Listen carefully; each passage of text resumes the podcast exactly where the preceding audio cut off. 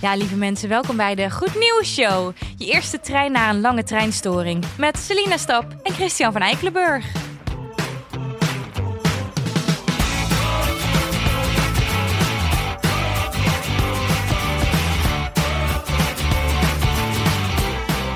Aqualeuk.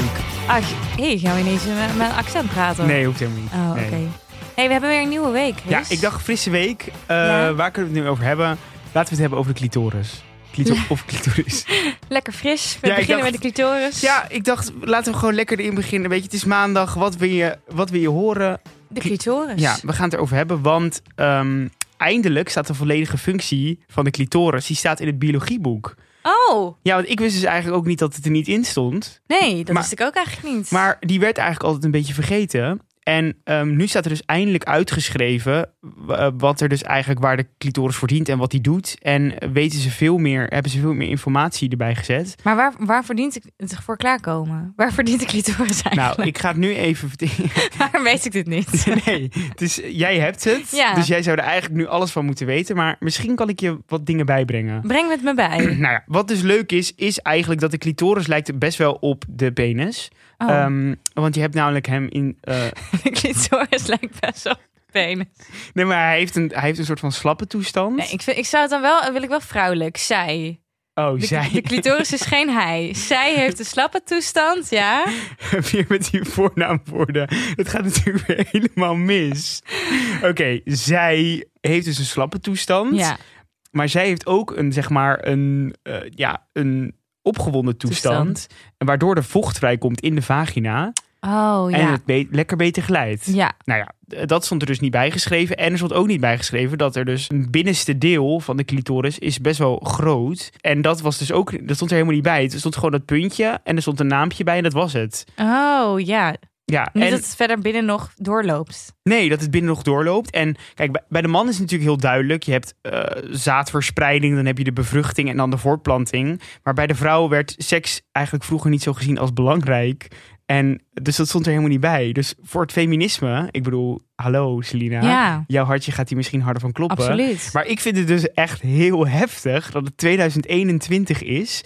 En dat wij de biologieboeken moeten aanpassen. Omdat de clitoris helemaal niet eh, goed wordt benoemd. Nee, dat vind, maar ik wist dat eigenlijk ook helemaal niet. Nee. Het is me nooit opgevallen op school. Nee, mij ook niet. Maar eh, sowieso is natuurlijk in het biologieboek staat heel vaak gaat over seks en over voortplanting. Maar het gaat eigenlijk vaak, tenminste kan ik me herinneren, niet over bijvoorbeeld ehm, wat seks nog meer is, namelijk lust. Ja, En het gaat altijd over het maken van kinderen en over voorvoedsmiddelen, Bevruchting, ja.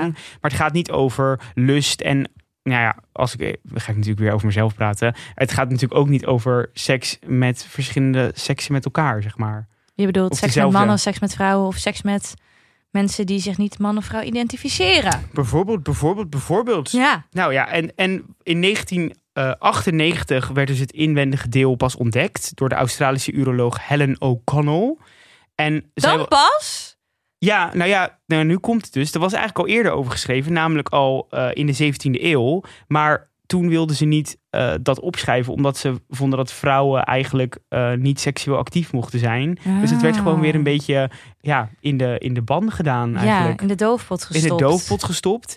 En wat ik dus, nou, ik over, over die, dat binnenste deel gesproken, dat is dus 8 centimeter groot. Oh, Dat vind ik dus best groot. dat vind ik ook best groot. Vind ik, ja, Waar zit dat dan? dat ziet er, dat ziet er- even bekijken. ik, zou eens even, ik zou eens even lekker gaan kijken wat er allemaal aan de hand is. Want dat is natuurlijk helemaal niet. Dat, is- dat, Oh. Als je dat niet weet. En, en nou, het goede nieuws is dus eigenlijk, vind ik, dus dat het voor vrouwen ook heel belangrijk is om te weten hoe een lichaam in elkaar Ja, zit. maar dat is wel echt waar. Want ah, ik, ik weet nog steeds niet heel goed hoe mijn lichaam eigenlijk... Sinds bijvoorbeeld mijn vriendin, een vriendin van mij nu zwanger probeerde te worden en zwanger werd. En toen dacht ik pas, oh, dit werkt zo, dit werkt zo. Ik wist ook niet dat als je bijvoorbeeld je eitjes laat invriezen... dat dat een heel proces is, vet lastig gedoe. Ik denk gewoon, nou, weet ik veel, je haalt er een eitje uit... en het En is je in de klaar, dat doe je in de vriezer. en, het is, en het is leuk geweest.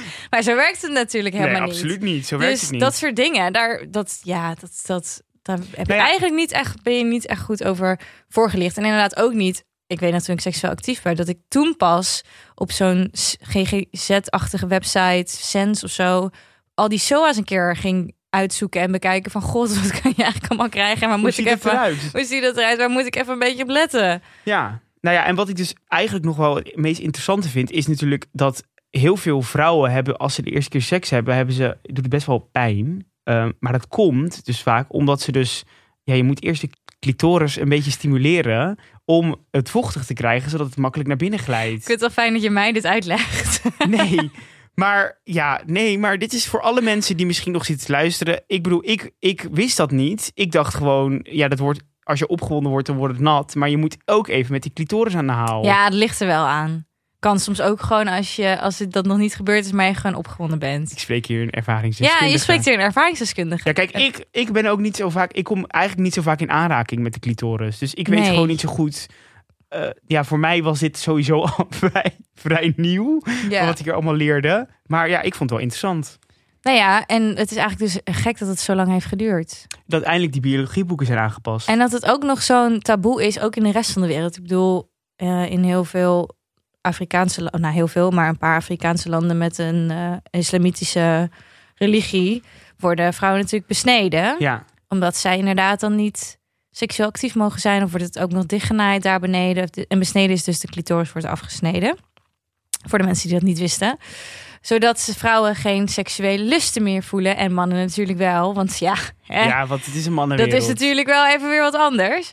Maar dat, het is nog steeds in sommige culturen en religies. Eh, het is niet alleen in eh, islamitische landen, by the way. Maar het is in sommige culturen en religies nog steeds wel echt taboe dat een vrouw dus ook lust Ja. kan voelen. Dus mocht je op dit moment luisteren, iemand in die landen, ja, en je denkt, nou, eigenlijk hebben ze wel gelijk. Doe het gewoon niet. Hou die nee. clitoris in stand. Ik denk dat ze nu ergens in Somalië denken: God, wat hoor ik nu? Dat wist ik helemaal niet. Nou, laten we daar eens even mee ophouden. dicht naaien. Ik ga er niet aan beginnen. Ik hou er eens een keertje mee op. Ik leg mijn mes weer thuis. Ik heb van Godsamme. serieus stap, heb ik dingen gehoord. Ik ga er gewoon niet aan beginnen, joh.